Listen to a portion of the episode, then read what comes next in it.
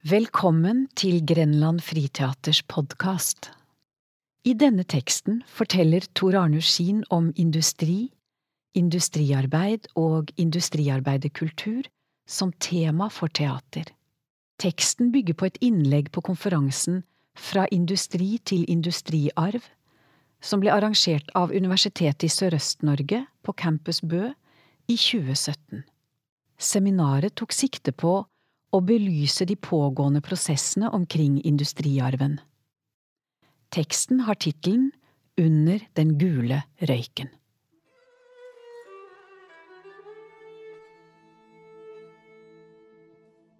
Glomfjord ligger innerst i en lang og djup og kald fjord tett innunder svartisen like ved polarsirkelen. Her vokste jeg opp på begynnelsen av 1960-tallet. Glomfjord var en one company town, som det heter. Der han Hydro, som vi ungene sa, han Hydro, han eide alt. Ja, i mine gutteøyne så var han Hydro det nærmeste en kunne komme Gud. Jeg kom til Herøya i 1966. Herøya, Norges største og mest beryktede industristed, der faren min blei sjef for Den gule røyken. Vi bodde to år i en gate som skiftet navn fra Sankt Olav til Sam Eide mens vi bodde der, som om Hydros grunnlegger skulle få ta over noe av glansen fra Nordens nasjonalhelgen. Jeg er ikke alene om å ha en slik bakgrunn blant folk i Grenland Friteater. Flere av de andre kommer fra lignende steder, lignende ensidige industrisamfunn. Ja, industrisamfunnet, ja. Industrisamfunnet i stort, det var ikke noe vi hadde lyst til å arve. Den ungdomsgjengen fra Porsgrunn som sammen starta Grenland Friteater i 1976. Ja, ikke fordi at det var noen som hadde lyst til å gi oss det i arv heller. Nei da, industrisamfunnet var et slags nødvendig onde, det, for å komme seg ut og vekk og opp og ut og fram. Jeg husker faren min sa til meg en gang han sto og mekka på den gamle Volvoen i garasjen. Du må aldri begynne å arbeide i industrien. Jeg tror jeg må ha vært 13. Ja, det var i hvert fall like etter at han hadde blitt diagnostisert med leukemi etter et langt yrkesliv med, som sivilingeniør med maling og løsemidler og gass og, og dritt og møkk. Og det var nok noe med smerten og intensiteten han sa det med, som brant seg inn, og som gjør at jeg husker det ennå. Og jeg ble verken industriarbeider, jeg, eller ingeniør. Men i den perioden på slutten av 1970-tallet, da Trond Hannemyr, Lars Steinar Sørbø, Lars Vik og jeg etablerte Grenland Friteater i Porsgrunn som en fri, profesjonell teatergruppe, så jobba vi i industrien innimellom for å spe på inntekten. Ja da, på Stueren, på Porsgrunn og omegns stuerforening, på Hydro om sommeren, på et lite verksted i Brevik som rensa elektroder til magnesiumen. Mest heldig var Lars Steinar, for han hadde innimellom jobb i den mytiske elektrolysehallen på magnesiumen, bygg 104 på Herøya, fordi det var den verste arbeidsplassen i hele landet. Og da fikk han alle tillegga skifttillegg, smustillegg, gasstillegg, masketillegg, ubehagstillegg eller hva det var nå det het for noe alt sammen. Han tjente det dobbelte av oss andre. Ja, vi dreit vel i industrisamfunnet, vi. Vi dreit vel i resten av kulturarven òg, for den saks skyld. Vi tilhørte den første generasjonen som har vokst opp med TV, vi så alt, vi som var å se på kino. Vi leste helst de aller siste bøkene som var kommet i paperback, og som vi kunne knabbe på bokhandelen fordi vi ikke hadde råd til å kjøpe dem. Vi hørte ekstra nøye på den lyden som kom når du satte ned pickupen, så freste den gjennom platerillene og lot lyden fylle hele kroppen. Ropene til Janice, gitaren til Jimmy eller det syntetiske universet til Pink Floyd. Og etter å ha jobba intenst med en forestilling i, i, flere år, så hadde vi i 1982 premiere på en forestilling som var basert på hardkokte amerikanske kriminalromaner. Og da, da husker jeg at jeg skrev i programmet at min kulturelle arv, det var den jeg hadde fått gjennom massemedia, og at jeg var mer amerikansk enn norsk på innsida av huet, i hvert fall. Ja, The Play Is Over het den forestillinga, og det jeg tror det må ha vært en av de aller første virkelig postmoderne teaterforestillingene i Norge. Uten at det var noen av oss som egentlig hadde hørt så mye om postmodernisme den gangen. Og med den forestillinga så kom Grenland Fritadseier seg ut i verden og inn i et internasjonalt nettverk av teatergrupper og festivaler. Og den vesle gjengen fra Porsgrunn vi reiste Europa rundt, vi, og spilte på vårt beste engelsk med amerikansk aksent dressa opp som gamle filmstjerner fra Hollywoods gullalder. Vi spilte i København, i Stockholm, i Madrid, i Roma og Budapest, og på lange turneer i Sør- og Øst-Europa. Men når vi reiste rundt i Norge, ja, da ble vi konfrontert med det at vi kom jo fra Norges verste industrihøl. Det kunne vi ikke slippe unna. Gass, gift, kvikksølv den gule røyken som strakte seg milevis utover Skagerrak og oppover mot fjella. Fangstforbud mot fisk i fjordene. Fotoelektrisk smog etter at det petrokjemiske anlegget på Rafnes hadde starta. Kreftepidemi på PwC på Herøya. Å, så dere er fra Porsgrunn, dere. Stakkars. Men Grenland Friteater fortsatte å være i Porsgrunn. Det var ikke mange som hadde gått på skolen sammen med oss som, som gjorde det. Og allerede i 1982 så skrev The Drama Review i New York, en av de viktigste publikasjonene om scenekunst den gangen, en artikkel om Grenland Fritater som het The Children Who Stayed at Home. Og sakte, sakte, men helt sikkert, så sneik den arven som vi hadde med oss, fra industrisamfunnet seg innpå oss bakfra uten at vi merka noe som helst til det. I 1985 da skulle vi ta et imagefoto av Grenland Fritater. Vi hadde med oss vår egen italienske fotograf, Luca Gavagna, og vi hadde lyst til å framstå som kule og moderne og tøffe og urbane og internasjonale og you name it. Bildet som vi skulle ta, det skulle bli, komme, komme, til å bli vårt image og bli med oss i mer enn ti år. Ja, resultatet så kanskje ut som om det var knipsa i South Bronx eller et lignende røft område, men nei da. Det bildet det ble tatt på Smiøya i Skien, ganske nøyaktig der den første industrien i Telemark ble anlagt. Og på venstre side av bildet så kan en uh, se et uh, bygg som er jevna med jorda for lengst, men til høyre så skimter en ruinene av PM5-bygget, som kanskje er det eldste industribygget i Telemark. Og tolv år seinere, i 1997, så måtte vi rett og slett bare ha et nytt imagebilde. Og denne gangen hadde jeg en bevisst tanke bakom bildet. I forgrunnen skulle vi prøve å posere som kunstnerne i Krøyers ikoniske Hipp hipp hurra, Danmarks nasjonalbilde. Og i bakgrunnen, der skulle vi ha industrien. Vi prøvde noen ulike motiver, men til slutt, med dagens aller siste solstråler, så rigga vi oss til på en flåte på Gunneklevfjorden med fabrikkene og pipene i den ikoniske Herøya skyline i bakgrunnen. Og det ble bildet som fortalte hvem vi var og hvor vi kom fra. Og vi var kunstnerne som danser og drikker og morer seg med industrien i bakgrunnen, for enda så var ikke industrien kommet helt i forgrunnen. Det skjedde først tre år seinere, men før det så hadde det skjedd flere ting. For det første så hadde Grenland Fritotter starta Porsgrunn internasjonale teaterfestival i 1995, og den festivalen ble en umiddelbar suksess. Ja, det var som å komme hjem.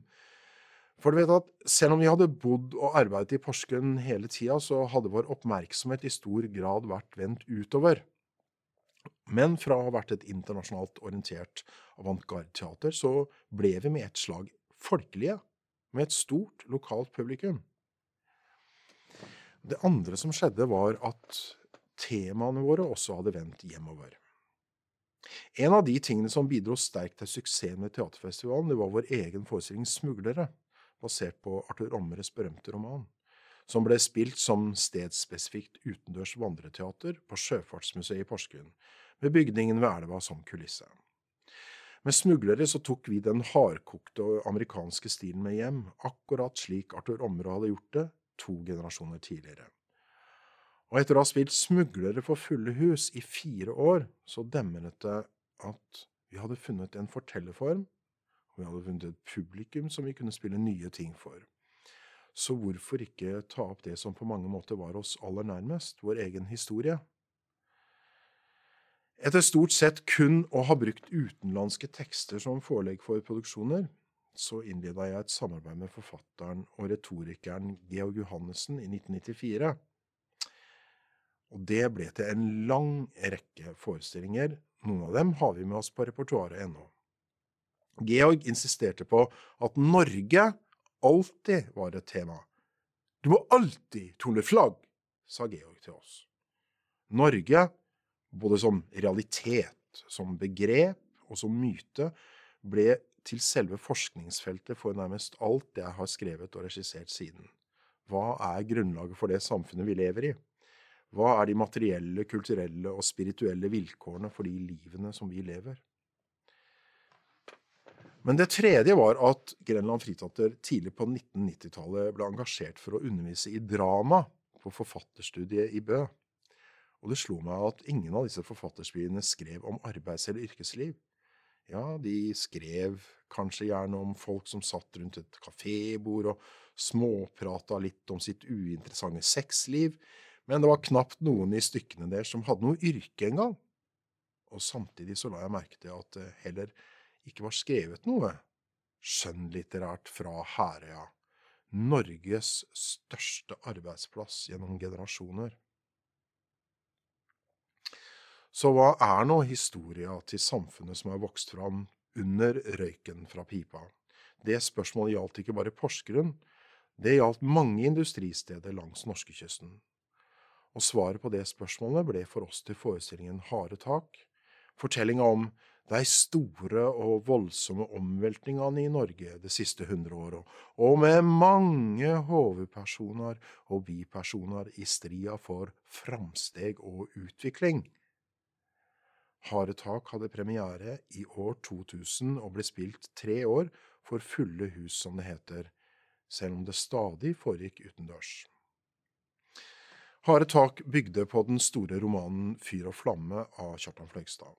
Med anleggslusken, sjømannen, smelteverksarbeideren, kommunisten og kjetteren Hertingen som gjennomgangsfigur, så fulgte vi den kollektive historien om det norske industrisamfunnet fra Herting går i land fra en båt midt i hjertet av Norge, på vei til Rjukan i 1910, til han til slutt dør på et sykehus i Porsgrunn i 1980.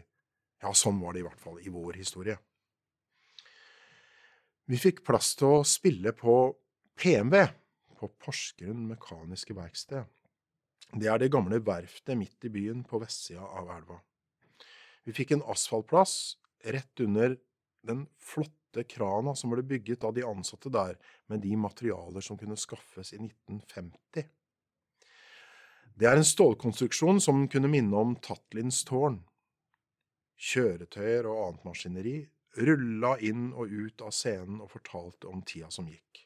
Hester, kjerrer, vogner, biler, gaffeltrucker, mopeder, scootere, ja, til og med en ekte likbil fra 1972 var de viktige scenografiske elementene, men de var også egne attraksjonsobjekter i seg selv. Nå var det ikke bare Kjartan Fløgstads romantekster vi brukte, for jeg hadde også tatt sterke inntrykk fra hans essays om populær kunst- og kulturindustri, som er samla i boka Loven vest for Pekås. Og Fløgstads tanker om karnevalisme og stil- og sjangerblanding ga inspirasjon til mange djerve påfunn, og de litterære referansene og de litt ga styrke til forestillingen. Den lange og tragiske revolusjonsideologen Hertingen og den vesle spottegauken Marton Danielsen ble til våre Don Quijote og Sancho Panza i kamp med industrisamfunnets vindmøller. En av de mest vellykkede scenene i Harde tak kalte vi Dagligliv i folkeheimen. Den handla om familien Bruhøl, da far og mor, Styrk og Mebel Bruhøl, de var to var stille her i landet. De var hertingens antipode, de var trofaste og uegennyttige medlemmer av Arbeiderpartiet. Uh, den var vond, den scenen, sa Kjartan Fløgstad da han kom på premieren. Ja, Det var både vondt og også lattervekkende å se på de naive og trauste sliterne i all sin prektige småborgerlighet. Men jo mer Hertingen og Marton Danielsen raljerte med Styrk og Mabel Bruhøl, ja, jo mer virket det som disse fromme sjelene steg i publikums aktelse. Jo mer vi kastet på dem av ironi og spydigheter, jo gladere ble folk i dem. Og jeg som hadde vært overbevist om at vi aldri kom til å få noen engasjement av LO eller Arbeiderpartiet etter det her, så fikk vi noen år seinere oppleve at vi fikk LOs kulturpris. Ja, med harde takk så fant vi en ny dialog med publikum. Ulike folk på helt ulike steder de kunne betro til meg at ja, du vet den hertingen, vet du, nei, det er egentlig så er det min egen bestefar, det, ja, bare så det var sagt. Bakom diktverket som Kjartan Fløgstad hadde skrevet, så var det en virkelighet som var nær i tid og rom, og en kilde av folkekultur som han hadde tapt av. Da vi spilte Harde tak i Porsgrunn, da fikk vi hertingen til å jobbe i den berykta magnesium-elektrolysehallen i gamle B104, og så bodde han i Folkevanngata, eller Folkevogngata, da, som ungene forsto det som. Men da vi skulle spille på Rjukan eller på Notodden, så måtte vi legge om teksten og finne ut hvor den verste arbeidsplassen i tungindustrien hadde vært, hvor det mest avsidesliggende småbruket lå, på de stedene. Og de navnene, det fant vi jo alltid, for samme hvor stedsbundet denne historien i harde tak hadde vært i utgangspunktet, så var den en del av en større historie, historien om det norske industrisamfunnet. Ja da, for vi reiste på turné, vi, med harde tak, til andre ensidige industristader, til Notodden, til Rjukan og til Sauda, eksempel. Ja, det var vel på mange måter minst like umulig prosjekt som den originale produksjonen. I realiteten så betydde det en full ny oppsetning av forestillingen hvert eneste sted, med ny stedsspesifikk scenografi, nytt amatørensemble og nye hester og nye kjøretøyer. Harde tak ble en historie om framskritt og oppgang og velstandsutvikling og nyskaping, men historien ble alltid fortalt nedenfra. De rike, de var bare til stede helt i utkanten av historien. De rike der står der aleine for seg sjøl med mye dyrt tomrom omkring seg, som en av anleggssluskene sier i forestillingen. Og med hertingen, ja, da var vi alltid på tapernes side. Hertingen holdt fanen høyt både for teknologiske framsteg og for sosial revolusjon, men han havna alltid på feil lag. Å spille på Åndshuset i Sauda, det som hadde vært Kjartan Fløgstads modell for hertingens arbeidsplass, var kanskje et av høydepunktene underveis. Jeg husker at sceneområdet ble klargjort med lastebil og en hjullaster med tre meter høye hjul. Første kvelden så var det et stort publikum, men andre kvelden så kunne det vært bedre. Ja, du vet, når folk hører friteater, så tror de at det er noen som står og mumler i en krok, sa Kjartan Fløgstad. Vel, hvis det var noe vi ikke gjorde, så var det vel akkurat det, å mumle i en krok. Harde tak var et, et vilt prosjekt.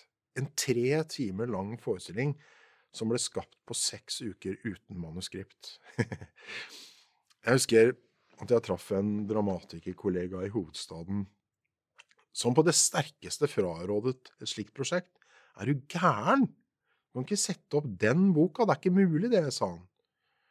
Han tenkte nok både på de enorme sprangene i tid og rom, og det svimlende persongalleriet i boka, men kanskje like mye på mangelen på avsnitt, enn si tradisjonell dialog. Men uh, da han sa det, så hadde vi jo allerede spilt forestillingen i flere år, med stor suksess. Ja, selv om Harde tak ble lagt ned i 2002, så var det som om flere av de karakterene liksom ikke ville dø. Både Marton og Hertingen og Styrk og Mebel Bruhøl levde videre, de med å opptre i kulturinnslag for lag og foreninger. Det var stadig bruk for dem. Og etter noen år så dikta vi videre på Kjartan Fløgstads karakterer, og lagde nye historier av de gamle, og nye verdener som omslutta publikum på en ny måte, som i forestillingene Hotell Hertingen fra 2012 og Tapte paradis fra 2013. Med inspirasjon fra engelsk og kontinentalt immersive theater så ominnreda vi hele det vesle teaterhuset vårt i Porsgrunn, det gamle evangeliehuset, til et hotell med egen festsal der det i arbeiderbevegelsens ånd ble arrangert fest med mat og drikke. Men først ble publikum tatt med på en guida tur rundt på tomta vår med sceniske spillestasjoner som Sluskeleir på Såheim i 1910, Arbeidere i bondebryllup i 1921, en trefning i den spanske borgerkrigen ved en barrikade i Barcelona i 1937, et arbeiderhjem i Folkevogngata på Herøya, brakka på den berykta magnesiumen og en hemmelig overvåkningssentral et sted i Hydro-systemet på 1960-tallet. Og til slutt, da, et sykeværelse på St. Josefs hospital i Porsgrunn i 1980. Siste del av kvelden så var det lødig underholdning i festsalen med konsert og ekte tombola med styrka vevelbrød. Gevinsten var fine, de. Aller finest var selvfølgelig en fruktkulv fra samvirkelag på Herøya, og inntektene de gikk i arbeiderbevegelsens ånd til internasjonalt solidaritetsarbeid i slummen i Lima. Nei, det var ikke så lett å bli kvitt verken hertingen eller ideen han sto for. Selv etter alle rundene på Friteatret så hadde vi ikke tynt det aller siste ut av ham. Jeg vet ikke, hvor mange ganger har egentlig hertingen dødd i våre forestillinger? Jeg har ikke tall på det. Etter hvert som tida gikk, så ble jeg flere ganger utfordra til å lage noe om globalisering og internasjonale forhold. Og et slags svar på det ble forestillingen Lukta av penger, som vi spilte utendørs ved Sjøfartsmuseet i Porsgrunn under teaterfestivalen i 2014. Og her fikk hertingen og Martan og Styrk og Mebel bli med en tur til den andre sida av jorda. Med utgangspunkt i en ironisk scene der arbeiderbevegelsens verdier endelig skal bli stedt til hvile ved at hertingens urne blir forseglet for alltid, så tok vi opp den uklare sammenblandingen av nye og gamle verdier i samrøret mellom arbeiderbevegelse og internasjonal storkapital. Hertingens urne kommer selvfølgelig på avveie og tar oss med hele veien til Peru, der norsk kapital i 2014 var tungt involvert i den kontroversielle fiskeoljeindustrien.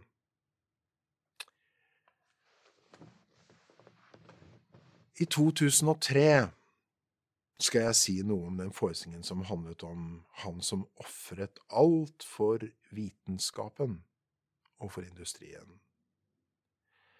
For da kom jeg over den britiske forfatteren Luciagos bemerkelsesverdige biografi om Christian Birkeland. Pioneren som ofret alt i vitenskapens tjeneste, kaller hun ham. Selvsagt så visste jeg en del om Birkeland fra før av, om den elektriske kanonen, om oppstarten av Hydro osv., men Luciago viste at det var så mye mer ved Birkelands historie. Og Alt for vitenskapen det er en historie om store utrolig fantastiske framskritt, men allikevel det går dårlig med Christian Birkeland. Han går helt til grunne til slutt.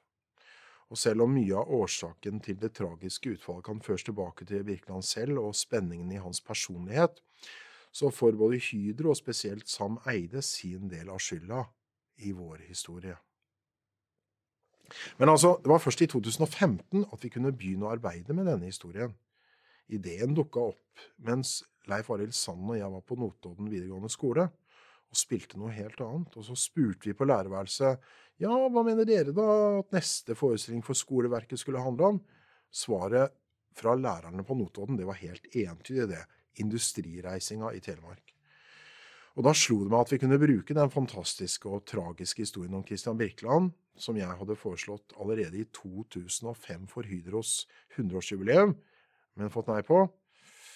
For jeg ville at vi skulle gjenskape noen av Birkelands viktigste oppfinnelser, og la forestillinga utspille seg rundt dem. Og så vi fikk laga nye versjoner, vi, både av Birkelands Terella modellen av eh, solsystemet.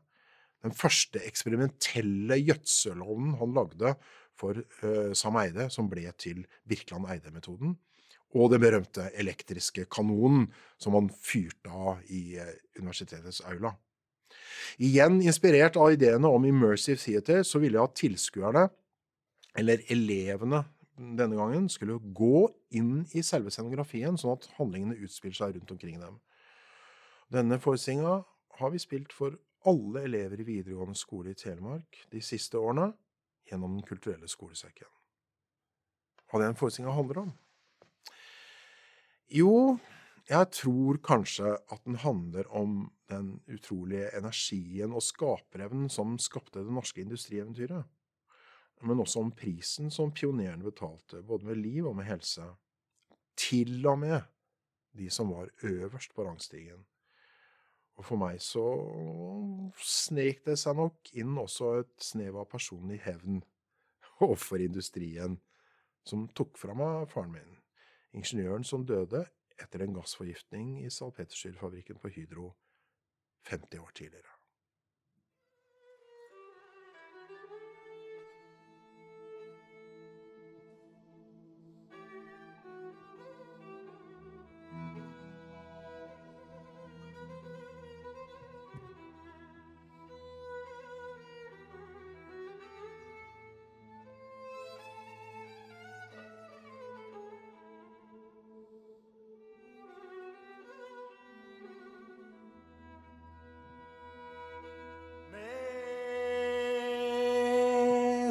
Som sagt fra mann til mann.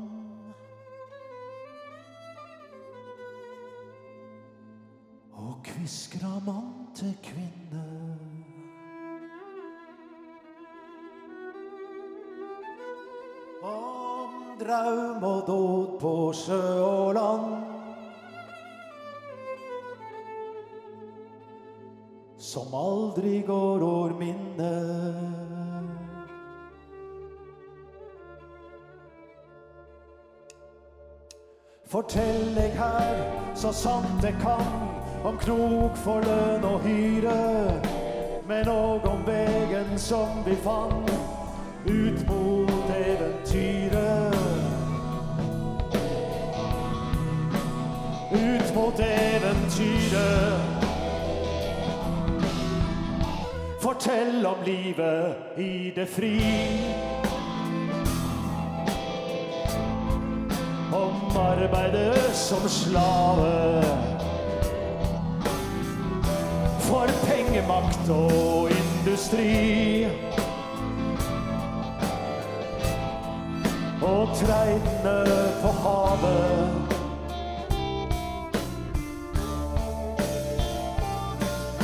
For soga om vår levetid, så kne i grav og gløymsle. Og det vi diktar opp skal bli sannere enn røynsle. Sannere enn røynsle.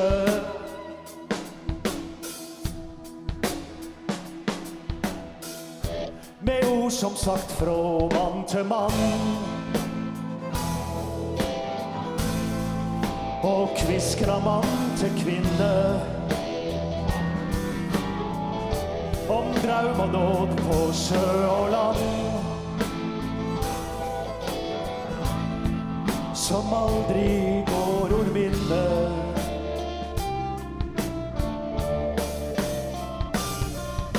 Fortell eg her, så sant jeg kan, om knok for lønn og hyre. Men òg om vegen som vi fant, ut mot eventyret. Mot eventyret. Ut mot eventyret.